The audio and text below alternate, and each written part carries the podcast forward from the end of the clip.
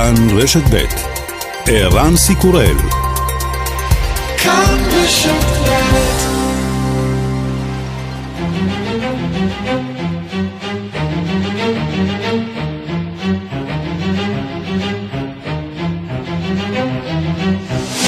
השעה הבינלאומית 4 במאי 2020 והיום בעולם 3,480 מתים ביממה האחרונה ברחבי העולם. המניין הרשמי מעיד על ירידה במדינות שמנהלות רישומים קפדניים יחסית, אך איש לא באמת יודע לתאר לאשורו את המצב בעולם השלישי. עוד ועוד מדינות מתחילות להסיר מקצת מהמגבלות. תושבי איטליה מתחילים לצאת מהבתים למציאות קשה של אבטלה ומחסור. perché si toglie tutti i sogni che io faccio sacrifici da una vita eh, significa perdere la vita per me personalmente, perché io ci vivo con il mio lavoro. אם לא אוכל לפתוח את הפיצריה שלי, אני מעדיפה למות, זה יהרוג את החלום שבו השקעתי את כל חיי. עבורי באופן אישי המשמעות תהיה לאבד את החיים, משום שהחיים שלי הם עבודה. האם אפשר היה למנוע את התפרצות המגפה בארצות הברית? שר החוץ מייק פומפאו מאשר, סין הסתירה מידע במטרה להבטיח שתצליח לגור לעצמה די ציוד למאבק בנגיף. We can uh, confirm that the uh, Chinese Communist Party did all that it could to make sure that the world didn't learn in a timely fashion uh, about what was taking place. Uh, that created enormous risk, and now you can see hundreds of thousands of people around the world, tens of thousands in the United States have been armed. President Trump is very clear. We're going to hold those responsible accountable, and we'll do so on a timeline that are, is our own. אנחנו יכולים לאשר שהמפלגה הקומוניסטית הסינית עשתה ככל יכולתה להבטיח שהעולם לא ידע בזמן אמת מה קורה. זה חולל סיכון גדול ומאות אלפים ברחבי העולם ובאמריקה נפגעו. ארצות הברית תגיב במקום ובזמן המתאימים. מושל ניו יורק קוומו מותח ביקורת על הממשל המרכזי שלא פעל מהר מספיק לעצור גל של אנשים נגועים מאירופה. They were coming. Nobody was screening, nobody was testing, nobody was looking, nobody even knew to look. When they wherever they came in New York, nobody was on notice. הם נכנסו לניו יורק הצפופה, איש לא סרק אותם, אף אחד לא בדק אותם. התוצאה הייתה הרסנית. המצב בברזיל הולך ומחמיר, 275 מתים ביממה האחרונה, עיקר הפגיעה בערים הסמוכות ליערות האמזונס. ראש עיריית מנאוס, בי אושו, פונה לגרטה טונברג, הילדה פעילת הסביבה, כדי שתלחץ להזרים סיוע לאנשים שמגנים על הריאה הירוקה של העולם. We are in front of a disaster. Something like barbarism. And I know all your influence. I know your capacity of feeling the feelings of other people. אנחנו עומדים בפני אסון ברברי. אני יודע שאת משפיעה מאוד ויש לך יכולת להרגיש מה שאחרים מרגישים. אנא, עזרו לנו. וגם... 歌が聞こえるか鼓動があのドラムと響き合えば קמרון מקינטוש, המפיק המיתולוגי של עלובי החיים ושורה של מחזות זמר אחרים, מעריך כי תחלוף עוד יותר מחצי שנה עד שתתחדש פעילות התיאטרונים. התעשייה מושבתת וכל שנותר לשחקנים ולזמרים הוא להעלות ברשת גרסאות ביתיות לשירים מוכרים ומעצימים. הנה כאן מתוך גרסה הקוריאנית של עלובי החיים בביצוע מהבית.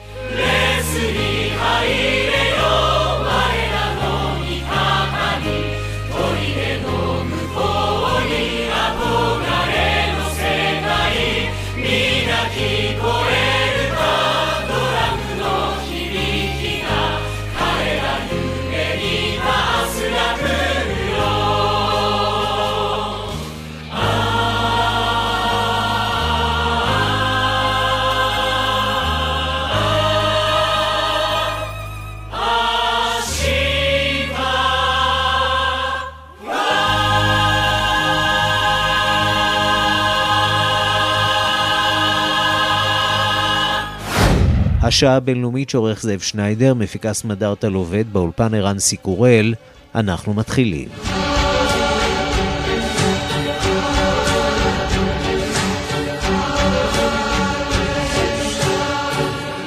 שלום רב לכם ושלום לטכנאי שלנו אריק מור. נפתח כבכל יום בנתונים העדכניים על התפשטות נגיף קורונה ברחבי העולם. יותר משלושה מיליון וחצי חולים מאומתים, 247 אלף מתים. נשיא ארצות הברית דונלד טראמפ משוכנע שהחיסון יגיע עד סוף השנה הזאת, דעה שמומחים רבים חולקים עליה, ואף שהנגיף ממשיך להתפשט, רוב המדינות ממשיכות ליישם הקלות הדרגתיות שנועדו להחיות את המשק. דיווחה של כתבת חדשות החוץ, נטליה קנבסקי. המדינות שהצליחו להתגבר על המגיפה חוששות כעת מהתסריט הסינגפורי, או ממה שהמומחים מכנים הגל השני של התפשטות הנגיף. הרופאים מפצירים בציבור לא להרפות מנקיטת אמצעי בטיחות, לעטות מסכות בתחבורה ובמקומות ציבוריים, לשמור על מרחק חברתי, אך הדבר לטענתם לא צפוי למנוע לגמרי את גלגול הנגיף באוכלוסייה.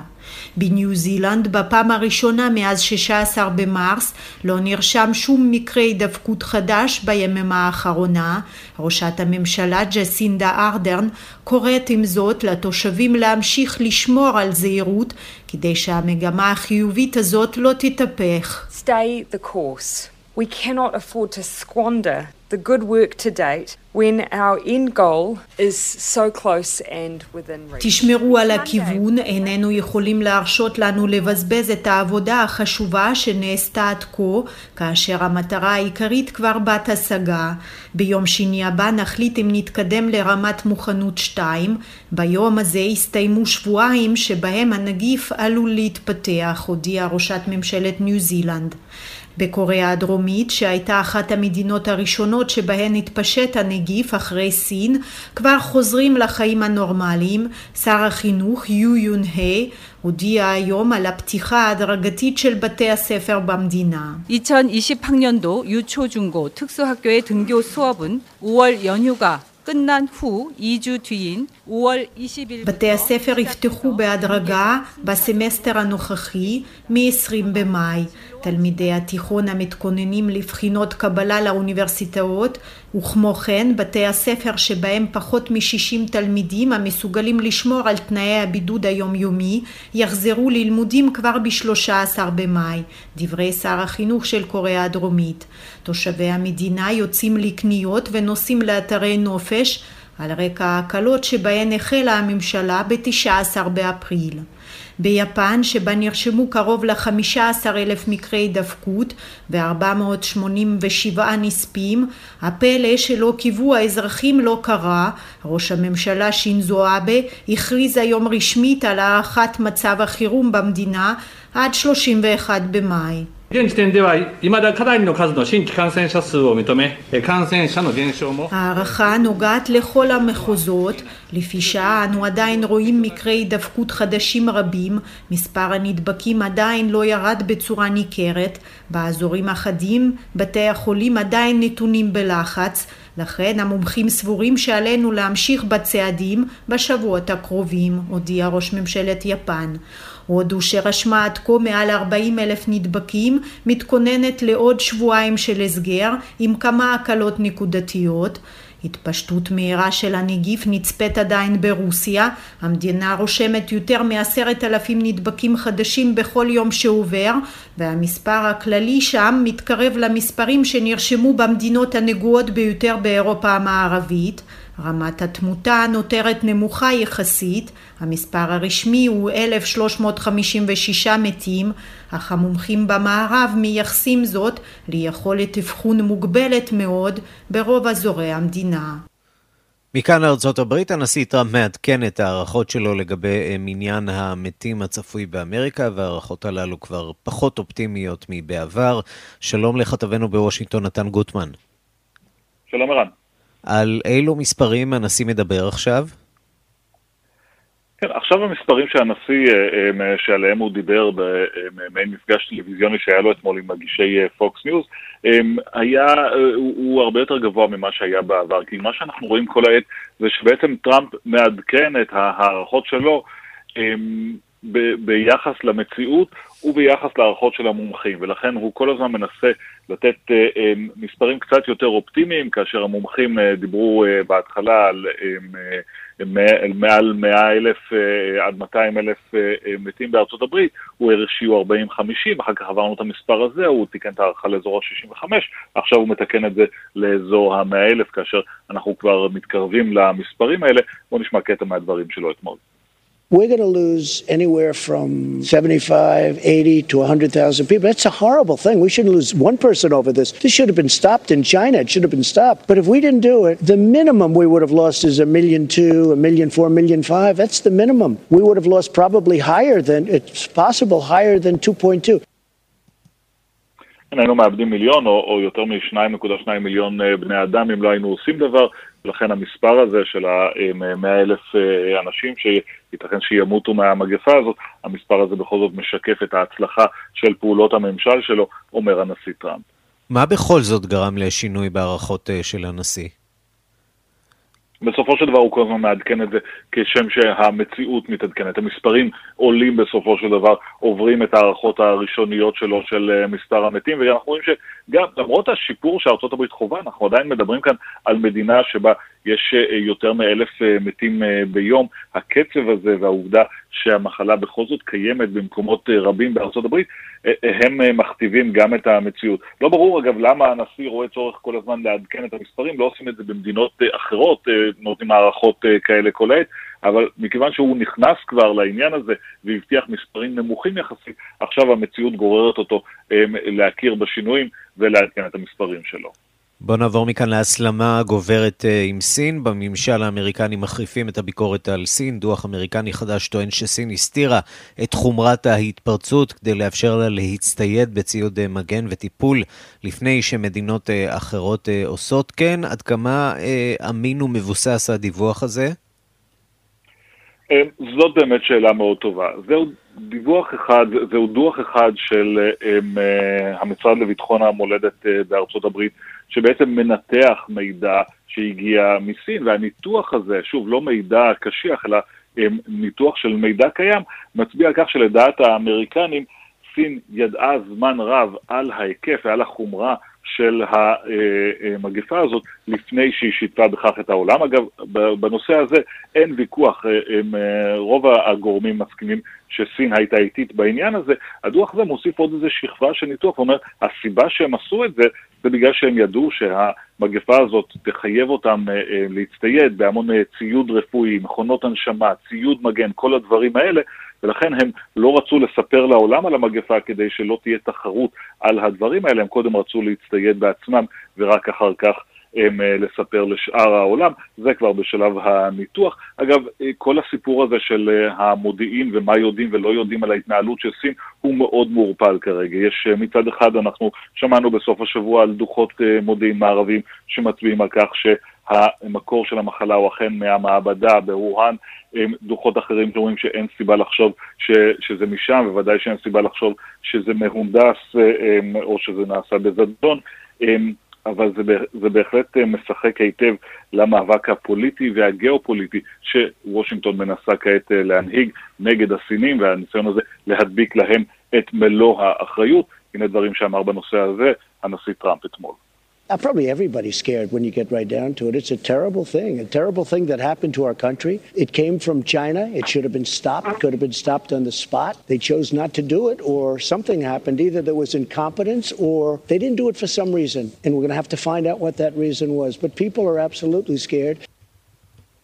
כן, נצטרך לבדוק ולחקור מה קרה שם בסין, האם זה היה מרשלנות או מסיבה אחרת, אומר הנשיא טראמפ, וסביר שזהו הקו שאנחנו נשמע גם בימים ובשבועות הקרובים, אצבע מאשימה כלפי הסינים, לו רק הם היו עושים יותר, לא היינו במצב הזה כיום. אצבע מאשימה, כשמכיוונו של שר החוץ פומפאו אנחנו גם שומעים איומים של ממש, בוא נשמע את הדברים. We can uh, confirm that the uh, Chinese Communist Party did all that it could to make sure that the world didn't learn in a timely fashion uh, about what was taking place. Uh, that created enormous risk, and now you can see hundreds of thousands of people around the world, tens of thousands in the United States have been armed. President Trump is very clear. We're going to hold those responsible accountable, and we'll do so on a timeline that are, is our own.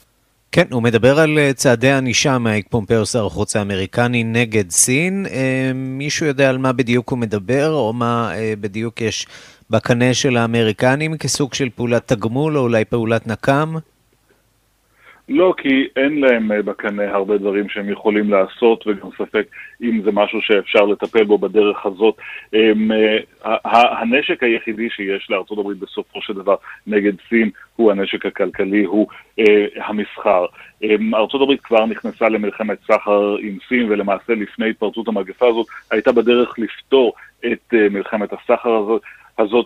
המאבק הזה עלה לארצות הברית במיליארדי דולרים, וארצות הברית לא במצב כרגע שבו היא יכולה שוב להחליט להטיל מגבלות על uh, סחר עם סין, ולקוות שזה יעזור, שלא לדבר על אה, העובדה כמובן שלא ברור מי יקנה למשל אגרות חוב אה, ממשלתיות אמריקניות אם סין תהיה במצב קשה. ארה"ב לא במצב לאיים במובן הזה על סין. היא כן יכולה לצנן את היחסים, היא כן יכולה לנקוט צעדים סמליים, אבל לא יותר מזה, ודאי שלא משהו שמאוד יכאיב לסינים כרגע. נתן גוטמן, כתבנו בוושינגטון, תודה. תודה, ערן.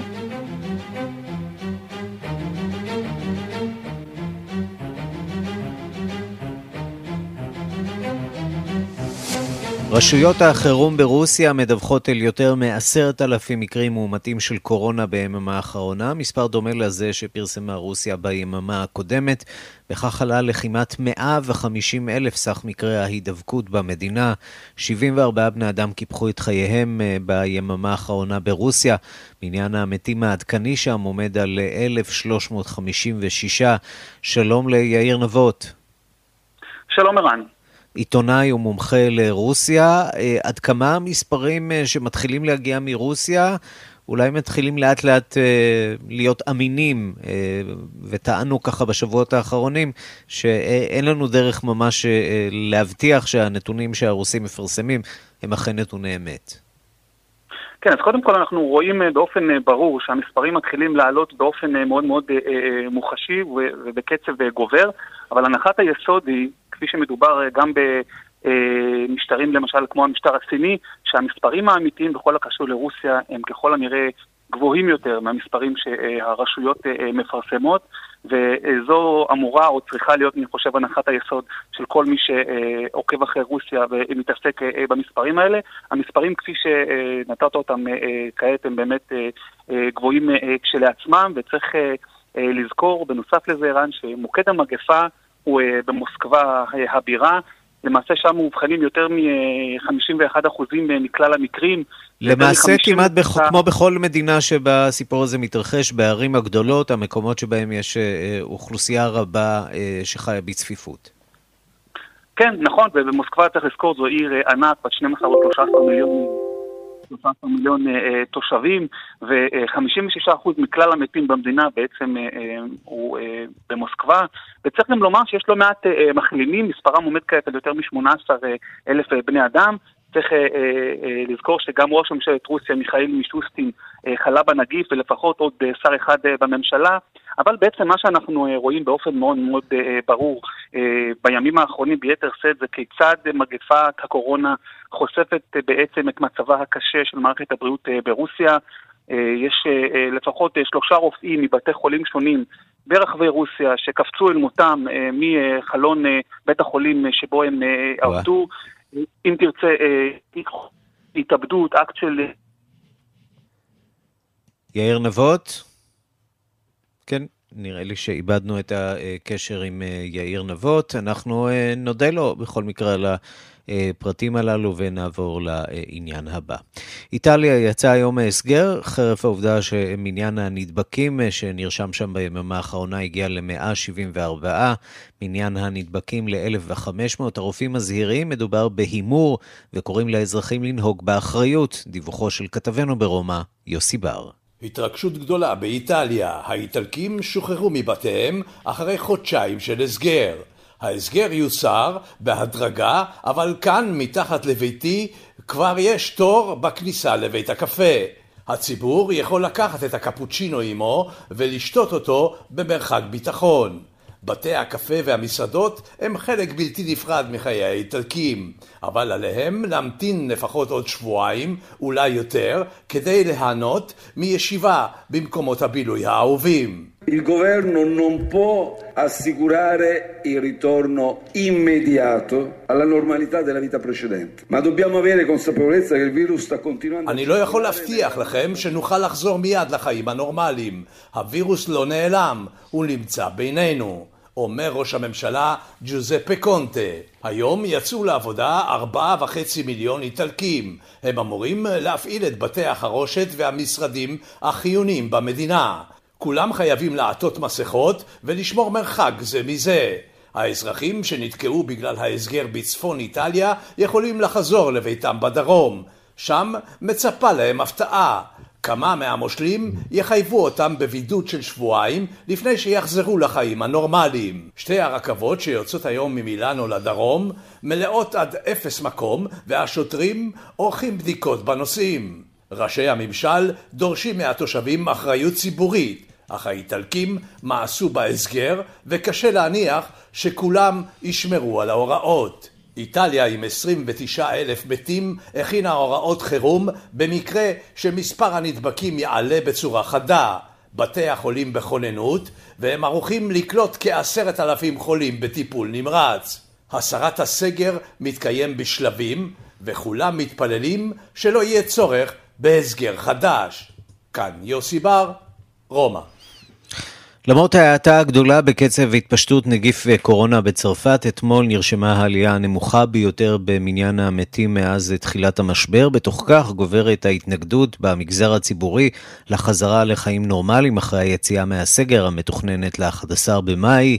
יותר מ-300 ראשי ערים מתנגדים לחידוש הלימודים בבתי הספר ובגנים, והתחבורה הציבורית לא תחודש במלואה. צרפת גילתה אתמול שהחולה הראשון שלה זוהה עוד ב-27 בדצמבר בשנה שעברה, ובאירופה מפנים אצבע מאשימה גם כן, ממש כמו ארצות הברית, כלפי התנהלותה של סין. דיווחו של כתבנו בפריז, גדעון קוץ. סימני האטת המגיפה בצרפת נמשכו אתמול, 24,895 מתים, עם העלייה הנמוכה ביותר עד כה, מאז שהתפשטה במספר המתים ביממה 135 בלבד.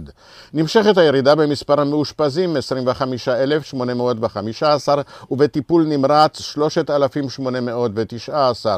עם זאת גוברת ההתנגדות בציבור ובמוסדות לחזרה לתפקוד מלא, עם היציאה מהסגר הסגר המתוכננת ל-11 במאי.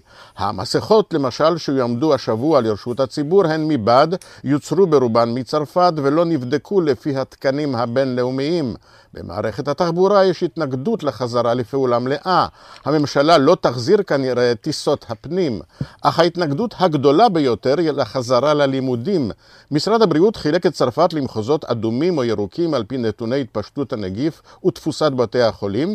באזורים אדומים, בכללם פריז, לא תהיה חזרה ללימודים של חטיבות הביניים כמתוכנן ב-18 במאי. הגנים ובתי הספר אמורים לחזור ללימודים כבר ב-11 במאי. הורים ומורים רבים מתנגדים לכך והחזרה תהיה על בסיס וולונטרי. עכשיו חתמו 330 ראשי ערים בצרפת על עצומה המביעה התנגדות לחידוש הלימודים גם לקטנים ביותר. Par les syndicats d'enseignants. Comment faire la classe en faisant respecter à des enfants de maternelle des gestes barrières euh, Comment organiser les cours de récréation Il faudrait que... איך לחייב את ילדי הגן לכבד את כללי הזהירות הבסיסיים? איך לארגן את ההפסקה שכל אחד יישאר במקום מסומן בלי לזוז? מתרעם אחד מנציגי המורים.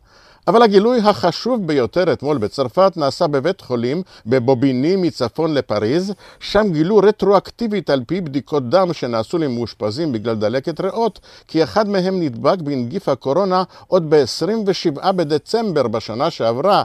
ייתכן שיש חולה אפס גם באזורים אחרים, אבל זה מראה שהנגיף הגיע לצרפת זמן קצר אחרי הידיעות הראשונות על גילוי המקרים בסין.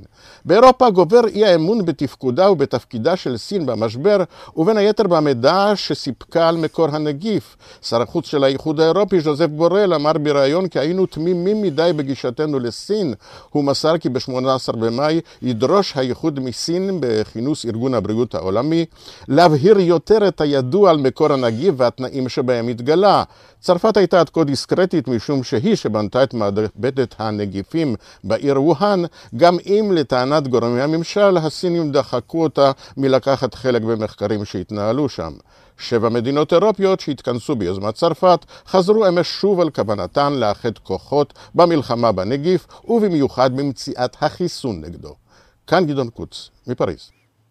אז uh, במערכת uh, החינוך אנחנו רוצים uh, לעסוק בדקות הקרובות, בעיקר בדנמרק, שם החלו לחדש את הלימודים כבר לפני שבועיים. אה, רשויות הבריאות בדנמרק דיווחו בסוף השבוע על עלייה קלה בממדי התפשטות אה, קורונה, לראשונה מאז פתיחת אה, בתי הספר, הגנים והעסקים הקטנים. דנמרק הייתה המדינה הראשונה באירופה שהחלה בשיבה זהירה לפעילות נורמלית של המשק, למרות החשש שהצעד הזה עלול להגדיל את תפוצת המחלה. ולמרות זאת מערכת החינוך בדנמרק מתמודדת לכל הדעות בהצלחה יחסית עם השלב הראשון של החזרה לשגרה, דיווחו של כתבנו בסקנדינביה, יגאל רום. ההפעלה מחדש של בתי הספר באמצע אפריל לוותה בהרבה חששות. כידוע נפתחו בשלב הראשון הפעוטונים, גני הילדים והכיתות הנמוכות מא' עד ה', תוך הנחה שהורים רבים יעדיפו להמשיך במדיניות הבידוד וישאירו את ילדיהם בבית. אבל התברר שהמערכת הצליחה ליצור תנאי פתיחה מעוררי אמון, כיתות מצומצמות עם מרחק של שני מטרים בין שולחן לשולחן, צוות מתוגבר לשמירה על ניקיון השירותים, המעקות, הידיות וכל פרט אחר שבא במגע של רבים, והקפדה על התנהגות קורונה אופיינית, רחיצת ידיים, שמירת מרחק, לא להתגודד, לא ליצור מגע וכולי וכולי. כאמור, ההתחלה הייתה חיובית מאוד, וכמעט שלא היו הורים שלא השתכנעו לשלוח את ילדיהם לבית הספר בכל זאת. אלה שהעדיפו שלא, קיבלו תשלום מן העיריות על החזקת ילדיהם בבית. אבל ישנן בעיות, בהחלט.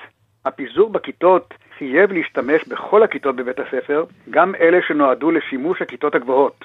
לכן חזרתן של הכיתות הגבוהות ללימודים מתעכבת, בעיקר מסיבות של מחסור בתשתית נוחה.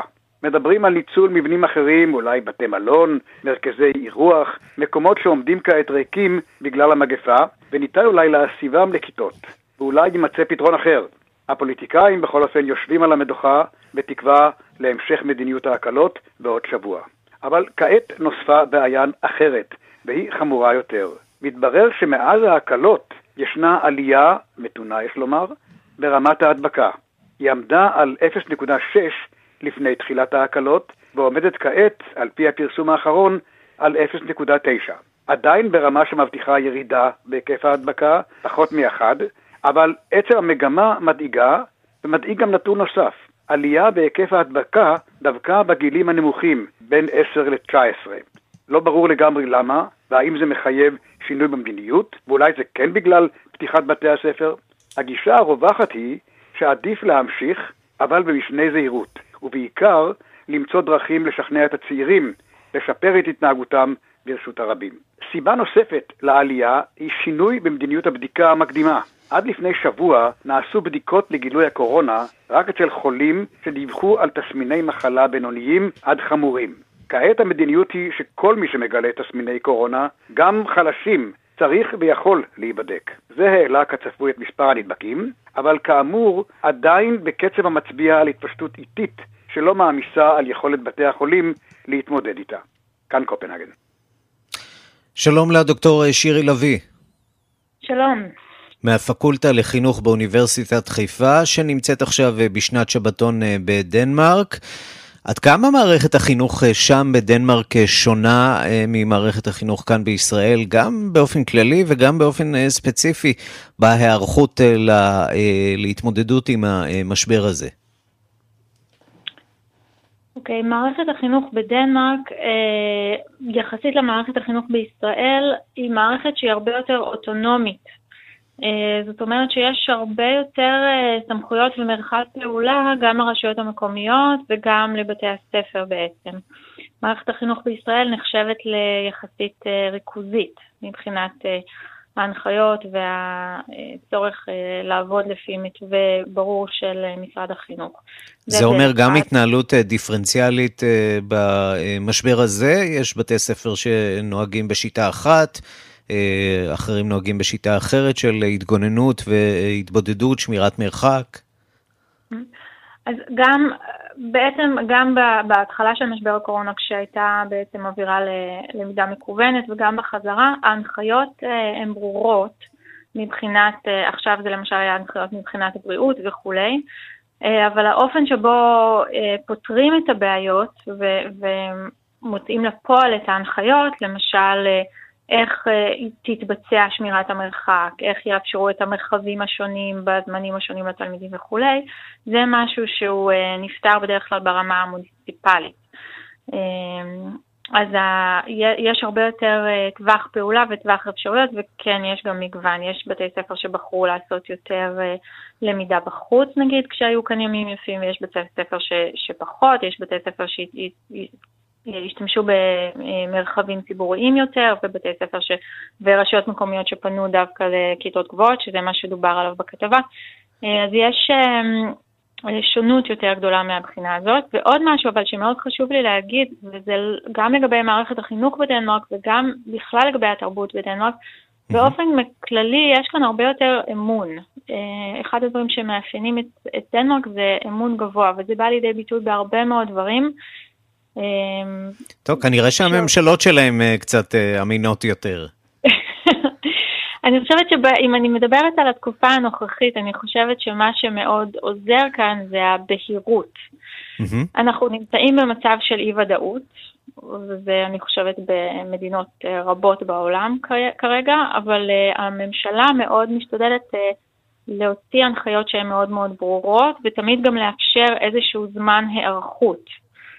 גם זמן ההיערכות וגם, אה, אה, את יודעת, אני אה, מזפזפ מפעם לפעם לטלוויזיה הדנית, ולא אחת אני נתקל שם בראשת הממשלה יושבת, או ליתר דיוק עומדת באולפן ועונה על שאלות המראיינים. יש שם רצון מקסימלי בממשל להגיע לשקיפות ולהזרמה של מידע, מה שכאן אצלנו אין כל כך. כן, אני חושבת ש... יש הבדלים בהחלט בהתנהלות של, ה, אה, של ההנהגה במשבר הזה, והיא קשורה אבל גם לתרבות שהיא יותר כללית, כמובן. Mm-hmm. הממשל או איזושהי השתקפות של התרבות, או קשור אליו. אה, ובהקשר הספציפי של מערכת החינוך, אני חושבת שזה מאוד, כל המשבר הזה היה מאוד מאתגר עבור כל מערכות החינוך. בעולם המערבי, אני חושבת. גם המעבר להוראה מקוונת וגם החזרה עכשיו. אה, אבל עצם המתן הזמן הזה להיערכות הוא מאוד מאוד עוזר, והוא עוזר גם, אה, גם מבחינה נפשית, הוא מפחית את הלחץ כמובן גם של המורים, שבסופו של דבר הם אלה שצריכים להיות הדמות המכילה והמאפשרת עבור התלמידים ו- וככה להרגיע אותם. ואם אנחנו מדברים באמת על המחירים אה, בטווח הארוך, ופה אני באמת שואל אותך כחוקרת בתחום החינוך, איזו השלכה תהיה לחודשים הקשים הללו שאנחנו אה, עוברים, גם, על, אה, גם במישור הפדגוגי, גם, גם במישור התוכני, אה, גם במישור הפסיכולוגי, איך ממשיכים מכאן ועד כמה באמת נעשית עבודה כדי לנסות לנתח מה עבר, מה עובר על הילדים האלה כדי לאפשר להם חזרה בטוחה ורגועה ככל האפשר. אני חושבת שמה היו ההשלכות זאת שאלה מאוד מאוד אה, גדולה. זאת השאלה.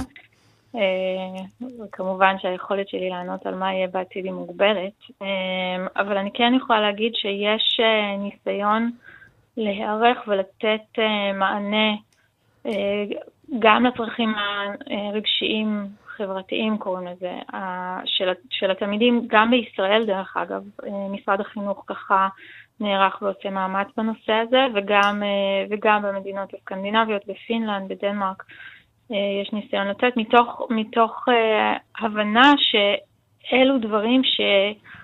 כשנעשה איזשהו נזק אז יהיה קשה יותר ככה להתמודד איתו, ואני רוצה אבל גם להציע שכמו בכל משבר, גם כאן יש איזושהי הזדמנות. Mm-hmm. לעשות שינוי, ליצור קשר משמעותי למשל בין uh, תלמידים למורים וגם בין הורים למורים.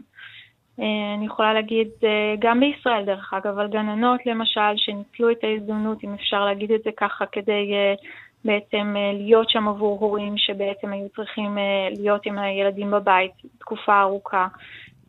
גם מורות, גילאים צעירים זה היה יותר אינטנסיבי, גילאים יותר מבוגרים זה היה באופנים שונים. אה, והורים שרואים באמת עכשיו את, עד כמה הדמות אה, של המורה או של הגננת היא דמות משמעותית עבור הילדים שלהם. טוב, אני אה. לגמרי מזדהה עם העניין הזה כמי שיש לו שני ילדים קטנים ושאולי כמעט לראשונה ממש מצליח לצלול לתוך החוברות שלהם וחומר הלימוד והאתגרים שהם מתמודדים מולם.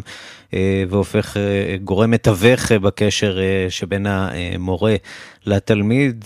יש בזה גם יתרונות, לא רק עבודה קשה, אלא גם יתרונות רבים בהגברת המעורבות שלנו כהורים בחינוך הילדים שלנו. דוקטור שירי לביא מהפקולטה לחינוך באוניברסיטת חיפה בשנת שבתון בדנמרק, תודה רבה לך על הדברים. תודה רבה. אנחנו מכאן לברזיל, מניין מקרי הקורונה עובר כבר את המאה אלף ומערכת הבריאות כבר קורסת בכמה מן האזורים במדינה. שלום לכתבנו בברזיל, תום אורגד. שלום ערן. אתמול פנייה, אה, יש לומר, מעט אה, מוזרה של אה, ראש עיריית מנאוס שבאמזונס, והוא פונה לגרטה טונברג, הילדה, כדי שתעזור לו להבהיר לעולם עד כמה המצב שלהם חמור. כן, אה, מושלי כמה מדינות בברזיל כבר אה, הגיעו למצב אה, די נואש, בעיקר משום שהממשלה הפדרלית בברזיל לא, לא מצליחה לספק להם מענה בהתמודדות עם מגפת הקורונה, כמו שכבר הזכרנו כאן כמה פעמים, הנשיא בולסונארו טוען שמדובר בשפעת קלה ומאוד עסוק בבעיות הפוליטיות שלו. ובאמת חלק גדול חלק ממושלי המדינות, אה, למשל, ניסו לקנות אה, מכשירי הנשמה באופן אה, פרטי, שאפילו לא חוקי, mm-hmm. על מנת לפתור את הבעיה באופן עצמאי. חלק מהמקומות בברזיל מטילים סגר באופן עצמאי על הערים או, או על המדינות, כדי לנסות איכשהו להגן על האוכלוסייה, באופן שהממשלה הפדרלית לא, לא מצליחה.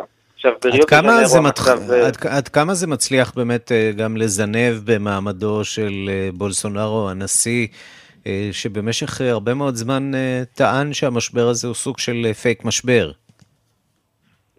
כן, זה, זה, זה בהחלט מזנב במעמדו של בולסונארו, הנשיא שגם ככה לא היה בשיאו, לאור ההצהרות האחרונות שלו, באמת בנוגע לצורך לחזור לכלכלה מתפקדת בזמן שערים כמו מנאוס ובלין שבפרה אה, קורסות, אה, פוגעת גם בפופולריות שלו בקרב התומכים האדוקים שלו. כלומר, אין, אה, אין לי סקרים עדכניים, אבל אם לפני כמה שבועות הפופולריות שלה הייתה על 33 אחוזים, סביר מאוד להניח שעכשיו זה הרבה למטה מזה.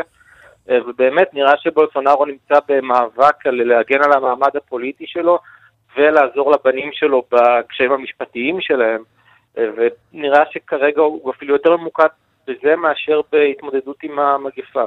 אז כשבאמת אנחנו מדברים על, על התפשטות המגפה בברזיל, אה, אנחנו מתייחסים לערים באמזונס, אבל עד כמה הסיפור הזה מורגש אצלכם למשל בריו דה ז'נרו? זה כבר מורגש בריו דה ז'נרו. אה, בריו דה ז'נרו אה, ביום שישי התפרסם נתון שיש אלף, תור של אלף אנשים למיטה בבית חולים, מתוכם 360 במצב קשה. זה היה הנתון האחרון שהתפרסם בנושא הזה, אבל אה, הנתון, המספרים כל הזמן, אה, כל הזמן עולים. בסוף השבוע היה כאן סקנדל כשגילו אה, שבאיזשהו בית חולים פרטי יש uh, 100 ומשהו מיטות פנויות, ומיד הפנו אותן למערכת הבריאות הציבורית. ובעצם אנחנו הגענו כאן למצב שבריאו למשל יש יותר מאלף מתים כבר, וצריך מאוד להיזהר לא, לא להידבק אה, במחלה, במיוחד למי שנמצא בקבוצת סיכון, משום שיש סיכוי טוב לא, לא להצליח לקבל טיפול, במידה והדבר יידרש. תום אורגד, כתבנו בברזיל, תודה. תודה רבה.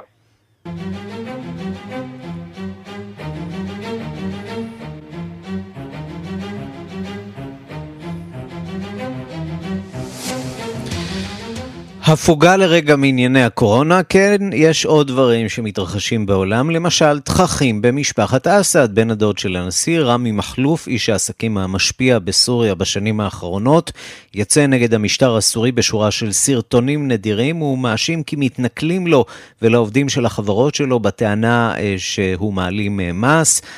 ההערכות אה, לסכסוך נעות בין ניסיון של אשתו של אסד אסמה לנשל את בן הדוד מנכסיו לבין התערבות רוסית, הרבה מאוד תככים ומזימות. שלום לכתבנו לענייני ערבים רועי קייס. שלום ערן, צהריים טובים. אז מי נגד מי בסכסוך הזה? כן, קודם כל, מאזין מהצד יחשוב שאפשר לעשות נובלה לא רעה מהסיפור הזה. במוקד הסיפור... לפחות דרמה טורקית, כן, בוא נגיד ככה, כן. במוקד הסיפור רמי מכלוף, בן דודו של נשיא סוריה בשאר אל-אסד, מי שלמעשה הרוויח מעלייתו אה, לשלטון של אסד הבן, קיבל לא מעט חברות לידיו, כולל שליטה בשוק הטלפוניה, בעלות על חברת הסלולר המרכזית סיריאטל, יחסים קלאסיים של תן וקח. במהלך המלחמה מכלוף סייע למשטר הסורי כלכלית כדי לשרוד, ואפילו הוטלו עליו סנקציות גם מצד ארצות הברית וגם מצד האיחוד האירופי, אה, בשל הסיוע שלו לאסד, אך נראה שהיחסים האלה בהחלט עלו על אה, סרטון. הסיבה היא שהמשטר הסורי היום כבר די יציב, וכשאתה פחות עוסק בלחימה בשטח, מתחיל הניסיון לחלק מחדש את העוגה הכלכלית. יש הרבה שממתינים בתור, אה, קליינטים כמו רוסיה ואיראן למשל, שבלעדיהם אסד לא היה שורד. הסכסוך אה, בין מכלוף לאסד כבר צץ בעיתונות הערבית בעבר, אבל מה שקורה בימים האחרונים הוא חסר תקדים. אחרי שנים בצללים, מכלוף מתחיל לפרסם שורה של סרטונים בפייסבוק, שבמהלכם הוא מלין על כך שהמדינה, זו שהוא נהנה ממנעמיה, מתנכלת לו ולעובדים שלו, ומאשימה אותו בהעלמת אה, מס. הוא נדרש לשלם כמעט 200 מיליון אה, דולר של אה, מיסים שלא נפרעו. בסרטון הראשון הוא ביקש סיוע מאסד עצמו, מה שמראה שהגישה אל אסד הנשיא נחסמה. בסרטון השני אתמול הוא כבר טוען שמנגנוני הביטחון של המשטר הסורי עוצרים עובדים בחברות שלו, כך זה נשמע אתמול. الأجهزة الأمنية بلشت تتعدى على حريات الناس כן, אז זה רמי מכלוף, איש העסקים הסורי, בן דודו של הנשיא, שאומר מנגנוני הביטחון החלו לפגוע בחירויות של האנשים, אלה האנשים שלך, מתכוון לאסד, אלה נאמנים, הם היו איתך ועדיין איתך. המסר, כמו שאמרנו, כמובן לאסד, שמנסה כך נראה לחסל כלכלית את מי שהיה הארנק האנושי שלו בשנים האחרונות, ועכשיו באמת, מה בעצם קורה פה? יש כמה הערכות, הערכה פיקנטית אחת היא שאשתו של אסד אסמה, שהחלימה מסרטן השד, היא יותר דומיננטית בכלכלה הסורית, השתלטה גם על ארגון צדקה שהיה בבעלות בבעלותו של מכלוף. ההתכתשות אה, בין השניים כללה פרסומים מביכים על, אסמה, על אסד ואסמה, וגם על פועלו של מכלוף בעת האחרונה, ויש מי שקושר זאת לקמפיין התודעה הרוסי לאחרונה נגד אסד, אה, אה, נטען שם שהמשטר שלו מושחת. אם מדברים על שחיתות כמובן, אז מכלוף הוא פני השחיתות מבחינת הסורים, ונגיד בהקשר הזה שהיום דיווח מרכז המעקב הסורי המזוהה עם האופוזיציה, שעובדים ומנהלים בחברה של מכלוף הם אלה שנעצרו בהוראה רוסית אפילו כוחות אה, רוסים אה, ליוו את המעצרים. אז לסיכום נאמר שהמשך יבוא בטלנובלה הזאת, אבל ממש לא שקט אה, בסוריה, גם אם הלחימה פחתה מאוד בהקשר הזה. בוא נעבור מכאן אה, לאזור אחר אה, במזרח התיכון, נראה שארגון אה, דאעש עושה סוג של קאמבק בעיראק, אבל גם בסוריה שעליה דיברת. נכון, אז ארגון דאעש אמנם ספג מכה לא פשוטה עם חיסולו של המנהיג שלו, אבו בכר אל-בגדדי, בשנה שעברה, אבל גם אה, פיקודו של אבו אברהים אל-האשמי, היורש, הארגון הזה לא נח, הוא אפילו מגביר את הפעילות שלו. זה ניכר מאוד גם בסוריה, גם בעיראק וגם בחצי האי סיני. שם רק בשבוע שעבר נהרגו עשרה חיילים מצרים בפיצוץ של מטען חבלן המשוריין שלהם.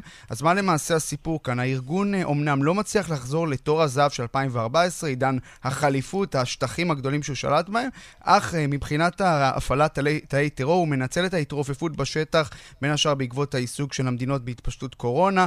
אה, בעיראק זה מאוד בולט בימים האחרונים. הארגון כמעט על בסיס יומיומי תוקף עמדות של המיליציות השיעיות, של כוחות הביטחון העיראקים והצבא, מסב להם אבדות לא פשוטות. עיקר הפעילות היא צפונית לבגדד במחוז סלאח א-דין.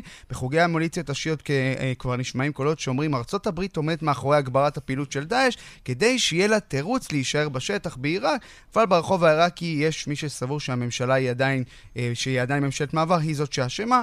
כך נשמע אזרח עיראקי בימים האחרונים שמנסה להסביר איך דאעש חוזר לשטח. הנה. المسؤول عن عودة داعش هي الحكومة أنا أقول لك شلون من سحبوا الامريكان تدقون عليهم כן, من זה سحبوا אזרח עיראקי שאומר, האחראית לחזרה של דאעש היא הממשלה. אתם אומרים לאמריקנים לסגת, אז תביאו אלטרנטיבה, נוצר ואקום ביטחוני. אז אלה הקולות, נגיד שהיום הייתה אמורה להתקיים ישיבה בפרלמנט כדי לאשר את מינויו של ראש המודיעין העיראקי לראש ממשלה, מוסטפא אל-קזימי, שזוכה לתמיכה של רוב הסיעות, אבל בעיראק כמו עיראק הכל יכול להשתבש, וההתקפות האלה של דאעש בהחלט צריכות להדאיג את השלטונות שם. רועי קייס, כתבנו לענייני ערבים, תודה. תודה. אנחנו אה, לקצת אה, תרבות, ימי הקורונה אפשרו למוזיאונים ברחבי העולם דווקא להקדיש יותר זמן למחקר. צוות חוקרים בהולנד גילה בשבוע שעבר סודות נסתרים על הנערה עם הגיל הפנינה, הפנינה של ורמר. שלום לחוקרת התרבות בארץ ובעולם מירי קרימולובסקי. שלום, שלום ערן. אז אה, קודם כל מנצלים אני בטוחה... את, כן, מנצלים את המוזיאונים גם למשימות אחרות. נכון, אבל אני גם בטוחה, אתה יודע, זה החלום הרטוב שלי להיות לבד, למשל, עם הנערה והגיל הפנינה לבד במוזיאון. כבר שנתיים למעשה עובדים על היצירה הזאת של ורמר, גם של, אותה. שלא מעט פורצים, אגב, יכול להיות שזה נכון, חלומה. כן. אבל מסתבר שיש אנשים, ברוב המוזיאונים כן משאירים אה, אנשים, ואגב, גם המוזיאון הזה אפשר אחר כך להיכנס ליוטיוב ולכתוב אה, מאוריץ האוס. מיוזיאם ולראות את כל המחקר הזה שעשו עכשיו על הנערה עם הגיל הפנינה. אתה יודע שהדבר שהכי רוצים לדעת מי הנערה הזאת, כן? אנחנו מכירים מהסרט, כמובן, שווליה, אבל זה כמובן לא הסיפור האמיתי. כולם רוצים לדעת, וגם הם רצו לדעת. והם שנתיים למעשה ברנטגן וכל מיני אמצעים אחרים חוקרים את הדמות הזאת.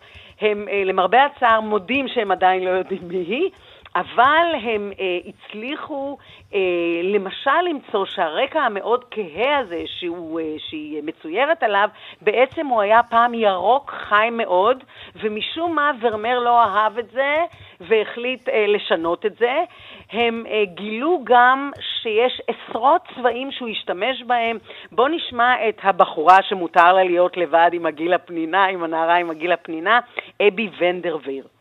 One of the perks of being a paintings conservator is that sometimes I get to be here in the Maurus house when there's no one else around. Today I'm here condition checking the paintings on the second floor. Here at the Maurus house, we make sure that we check our paintings regularly and we make sure that the light, temperature, and humidity is kept at levels that are safe for the painting. Here is Girl with a Pearl Earring, and even she has undergone some changes over the last 300 years that have made us interpret her differently. Okay, או במילים אז... אחרות, לפעמים לאוצרת יש הזדמנות להיות לבד עם האוצר. נכון. עכשיו, הסיפור של המיליון צבעים הוא נורא מעניין, כי למעשה אנחנו חוקרים גם יודעים ב-1665 שהיא צוירה, אה, באיזה קשרים היו להולנד עם מקומות אחרים. למשל, אה, אחד הצבעים שם, הצבע האדום, אתה לא תאמין, הם גילו שהוא עשוי מאיזה ג'וקים, מאיזה חרקים, שקודשים אותם היטב, והחרקים האלה נמצאים על צמח מאוד מסוים במקסיקו. זאת אומרת שהיה קשר אז, אוניות כמובן, עם מקסיקו, והביאו לדלפט, לעיר שבה הוא אה, פעל, את החרקים האלה בשביל שהוא יוכל לצייר את האדום שלו. וכאמור, הקהל יכול להיכנס ליוטיוב ולראות את כל המחקר המרתק הזה, אבל לא נדע עדיין מי היא. עוד סיפור מעניין שאני רוצה לספר על עולם האומנות, זה רק מראה לך איך בימי הקורונה כל מיני דברים מעניינים קורים. חבר'ה צעירים, שקנו כמו קומונה, הקימו קומונה, היה לנו כבר מקרה כזה עם ציור של פיקאסו, בטח אתה תזכור שדיברנו עליו, mm-hmm. קנו יצירה של דמיאן הירס. דמיאן הירס זה האומן הכי עשיר בעולם והכי שנוי במחלוקת, ההוא שהכניס כריש לנפטלין ומכר את זה, והאיש שמצייר נקודות צבעוניות ומוכר אותם במיליונים של פאונדים, שאיש לא יודע איך הוא מצליח לעשות את זה. הם קנו יצירה שלו, אמנם הדפס, אבל הדפס איכותי מאוד, ב-30 אלף דולר, גזרו כל עיגול כזה, כל עיגול אצלו הוא בצבע אחר וזה כל פעם בהרכב אחר, ולכן הוא כאילו מוכר אותם כיצירה מקורית. מסגרו יפה יפה כל עיגול כזה, וכל עיגול כזה נמכר עכשיו ב-12 אלף דולר, כאשר וואו. כל העיגולים, יש שם איזה 50 עיגולים, הם קנו אותם ב-30 אלף דולר. ואת זה הם היום מוכרים, וכל אחד יכול שיהיה לו, גם אתה, נקודה של דמיאן הירס, עיגול אחד של דמיאן הירס, זה רק מראה לנו איך העניין של הרשתות החברתיות והקומיוניון, כן, כל העניין של הקומונות האלה, הוא מתחזק, כי מי יכול היום לקנות דמיאן הירס? כן, כן, וזה גם קצת מעמיד באור מגוחך את uh, כל נושא מכירה של יצירת אומנות, ועד כמה באמת נקודה אחת uh, של כלום יכולה להיות שווה כשהיא מגיעה מהכתובת הנכונה ומהיוצר הנכון. מכאן אני רוצה ברשותך שנחליף כמה מילים על התיאטרון הבריטי. אנחנו שומעים הצהרה של סר קמרון מקינטוש, אחד מגדולי מחזות הזמר בבריטניה, והוא מעריך שהתיאטראות בווסט אנד ובברודוויי לא ייפתחו ולא יציגו מחזות זמר לפחות עד לשנה הבאה. משבר עמוק מאוד, שאיך יוצאים ממנו בכלל? אז צריך להגיד שמקינטוש היום מחזיק את התיאטרונים הגדולים של באמת של ההפקות הרבות משתתפים. אה, הפקות רבות משתתפים לא תהיינה בזמן הקרוב. לא תהיינה, זה כבר ברור, אני דיברתי עם עוד גורם בתעשייה, לא יהיה כנראה בשעה, בשנה הקרובה. יהיו תיאטרונים, מה שנקרא armchair theater של שחקן אחד, שניים, ויושיבו את הקהל כמובן בהפרדה, אבל לעשות מיוזיקל, אתה יודע, זה כל כך הרבה משתתפים והם קרובים אחד לשני, mm-hmm. וזאת שאלה מאוד קשה, כי מה שמכניס כסף באנגליה זה דווקא מחזות הזמר, לא התיאטרון, אתה יודע, מה שאתה רואה בניישנל וכולי. טוב, אבל הבשורה הטובה היא שזוהי שעתו הגדולה של הפרינג', לא? נכון, שגם בו לא נכנסים הרבה אנשים, אבל אה, באנגליה, אני לא יודעת, בארץ לצערי זה כנראה עוד לא בשלב הזה, באנגליה עכשיו נפגשת ועדה שממש יעזרו לתיאטראות איך לאט לאט פותרים את הבעיה הזאת, איך מתגברים על זה. צריך להגיד שכרגע גם אין תיירות. כן, נסו, ינסו הוא... להתגבר על זה. מירי קרימולובסקי, חוקרת התרבות אה, בארץ ובעולם, תודה רבה לך uh, על הדברים, ואנחנו נחתום את השעה הזאת עם צלילים מתוך Do You Hear the People Sing, האם אתה שומע את האנשים שרים מתוך עלובי החיים? בגרסה הדרום קוריאנית, ללמדנו שהסיפור הזה משפיע על אה, שחקנים ומחזות זמר בכל רחבי העולם, עלובי החיים, אחת מהיצירות של אה, קמרון, סר קמרון מקינטוש.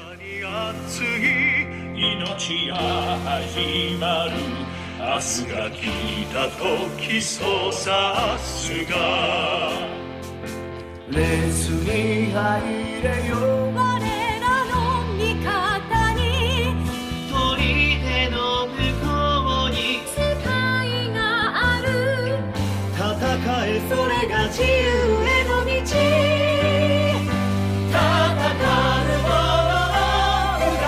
וזה כמובן רק נספר לכם, ביצוע של אה, האומנים, של השחקנים והזמרים אה, בהפקה הדרום קוריאנית הזאת מהבית. הנה.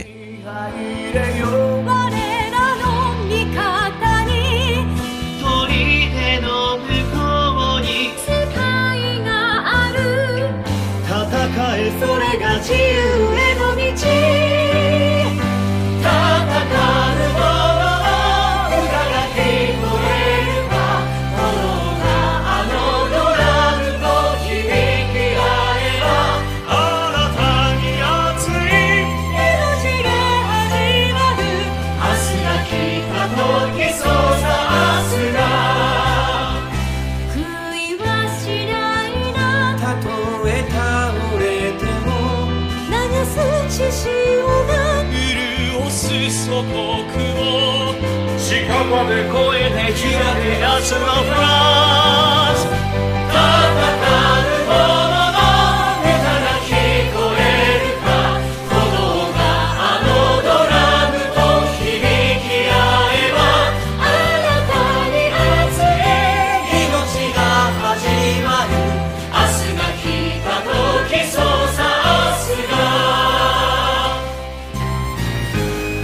עלובי החיים בגרסה הקוריאנית, ועד כאן השעה הבינלאומית מהדורת יום שני, העורך הוא זאב שניידר, המפיקות סמדארטה עובד ואורית שולץ, הטכנאים אריאל מור ושמעון דוקרקר, אני רנסי קורל.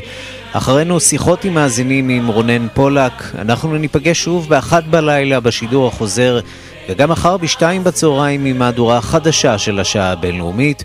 עד אז תוכלו לשמוע אותנו בדף ההסכתים של כאן, חפשו אותנו תחת השם כאן עולמי באתר או בכל אפליקציית הסכתים ותוכלו לקבל אותנו בפוש, בלי פרסומות ישירות לנייד. המשך יום מצוין.